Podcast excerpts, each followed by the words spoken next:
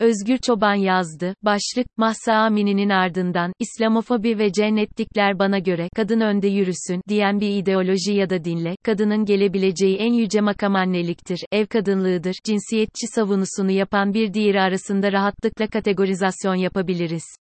Mesele budur. İnternete girmiş, oradan derlediği notlarla almış kalemi eline yazıyor babam yazıyor. Avrupa şöyle İslamofobik, dinimize böyle hakaret ediyorlar, caminin önünde domuz pişiriyorlar, vesaire, hiçbir derinliği olmayan bu yazıları kaleme alanların bekledikleri övgü dolu cümleler ve alkışlar daha tavına gelmeden, pat diye bir olay veriyor ve o içi boş yazı hak ettiği değere kavuşu veriyor. Kağıt üzerinde yan yana öylesine gelmiş birkaç harf o kadar. İslam dininin barışçıl ve hoşgörülü yanlarını yaza yaza bitiremeyenleri, İran'da başörtüsü takış şeklini beğenmeyen ahlak polisleri tarafından dövülerek komaya sokulan ve ardından yoğun bakımda hayatını kaybeden 22 yaşındaki Meşa Amini'ye ilişkin bir iki kelime yazsalar da biz de alkışlasak. Zira onların deyişiyle o çok İslamofobik Avrupa günlerdir bu konuyu konuşuyor, tartışıyor. İslamcı Neandertaler tarafından katledilen genç kadının fotoğrafları her yerde milyonlarca kez paylaşıldı, paylaşılıyor. Ne kadar da haksız Avrupalı, kadına yönelik o şiddet sarmalına itiraz etmekte değil mi? Oysa ki siz zaten hepiniz cennetlik, bilgisayarlı tomografisini, röntgenini, uçağını, arabasını, telefonunu, ilacını kullandığınız diğer dinlerden olan kim varsa hepsi cehennemlik değil mi? İslamcı, faşist rejimlerin üzerlerinden silindir gibi geçtiği kadınlar, bir nefeslik özgürlük için yaşamlarından oluyor. Faşizme ilişkin gerçekleştirilen monografik çalışmaların sayısının bir hayli fazla olmasına karşın, hüküm sürdüğü ülkelerde henüz tam olarak detaylarını bilemediğimiz, üzerinde fazlaca konuşulmayan çok sayıda karanlık uygulama olduğunu biliyoruz. Özellikle, ağırlıklı olarak kadının, öznesi olduğu uygulamalar, bizi, faşizm ve kadın, teması üzerinde düşünmeye yönlendiriyor. Nitekim faşizm ve kadın ilişkisinin, meselenin karanlık taraflarından biri olduğuna inanıyorum. Bana göre, kadınların, eşit ve özgür bireyler, olma mücadelelerine karşı gösterdikleri refleksler, ideolojileri sınıflandırmada en kullanışlı göstergeler arasında yer alıyor. Bu bakış açısına göre, bir din ya da ideoloji için, medeni, insanidir ya da, medeni, insani değildir, sınıflandırmasını rahatlıkla yapabiliriz. Mesela, toplumu kadın eliyle dizayn edelim, kadın önde yürüsün, diyen bir ideoloji ya da dinle, kadın evde kalsın, üç çocuk yapsın, kadının gelebileceği en yüce makam anneliktir, ev kadınlığıdır, cinsiyetçi savunusunu yapan bir diğer ideoloji ya da din arasında yukarıdaki kategorizasyonu rahatlıkla yapabiliriz diye düşünüyorum. Mesele budur. Toplumsal cinsiyetçiliğin öğretilmiş kalıpları arasında sıkışıp kalmış kadınların nefes alabilecekleri alan giderek daralıyor.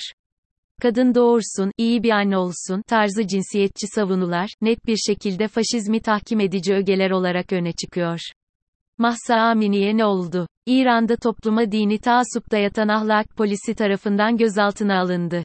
Kısa bir süre sonra hayatını kaybetti. İnternette kafasına vurulduğunu ve ardından komaya girdiğini gösteren videolar paylaşılıyor. İran makamları tarafından hazırlanan rapora göre, Amini başörtüsünü belirlendiği ölçülerde takmamış. Amini, başörtüsünü yanlış ve İslami olmayan şekilde takmış. O zaman tabii ki genç kadını döverek komaya sokma hakkınız var, ihlaslı Müslümanlar olarak. Çağıl çağıl hoşgörü, çağıl çağıl barış akıyor. İran polisinin insan hakları ihlallerini takip eden sosyal medya hizmeti 1500 Tasvır, genç kadının hastanede çekilmiş bir fotoğrafını paylaştı. Ağzındaki solunum tüpü ve yüzündeki morluklar bu fotoğrafta net bir şekilde görülebiliyor. İranlı ifade özgürlüğü aktivisti Hossein Ronagi, sosyal medyasında Mahsa Amini'nin durumunun bir kasıtlı suç örneği olduğunu yazdı ve başörtüsü takma bahanesiyle İranlı kadınların sistematik olarak baskı altına alınması suçtur, dedi. Amini'nin İslamcı Neandertaler tarafından katledilmesi İran'da büyük öfke ve üzüntüye yol açtı. Basında çıkan haberlere göre, İran'ın kuzeybatısında bulunan Sas kentindeki cenazeye binlerce kadın katıldı.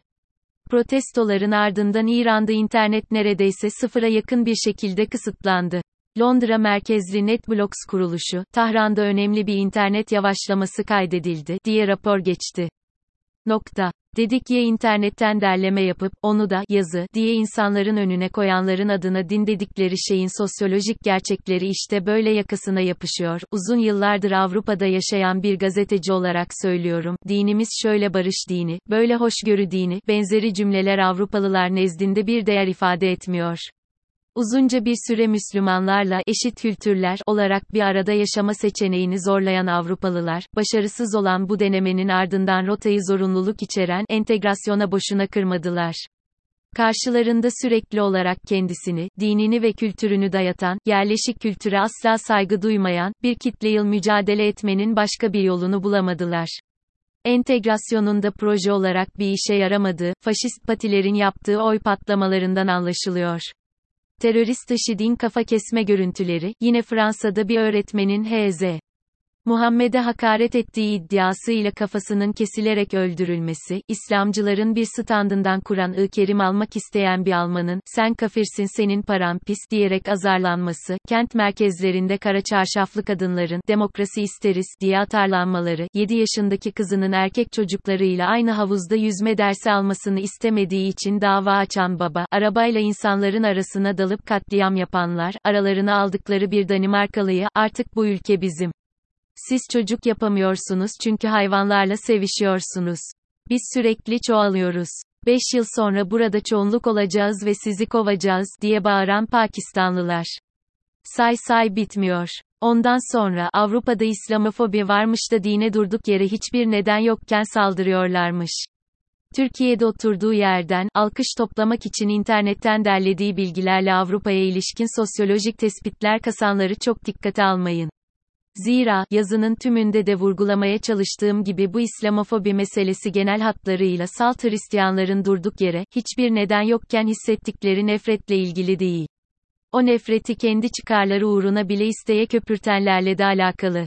Bu türden olaylar yaşandıkça en çok göçmen kökenlileri yerli halka karşı provoke ederek saldırtan İslamcı odaklar ile ötekilere yönelik her türlü kaygı ve korkuyu köpürterek yerli halkı kendi saflarında mobilize etmeye çalışan Avrupalı faşistler mutlu oluyor.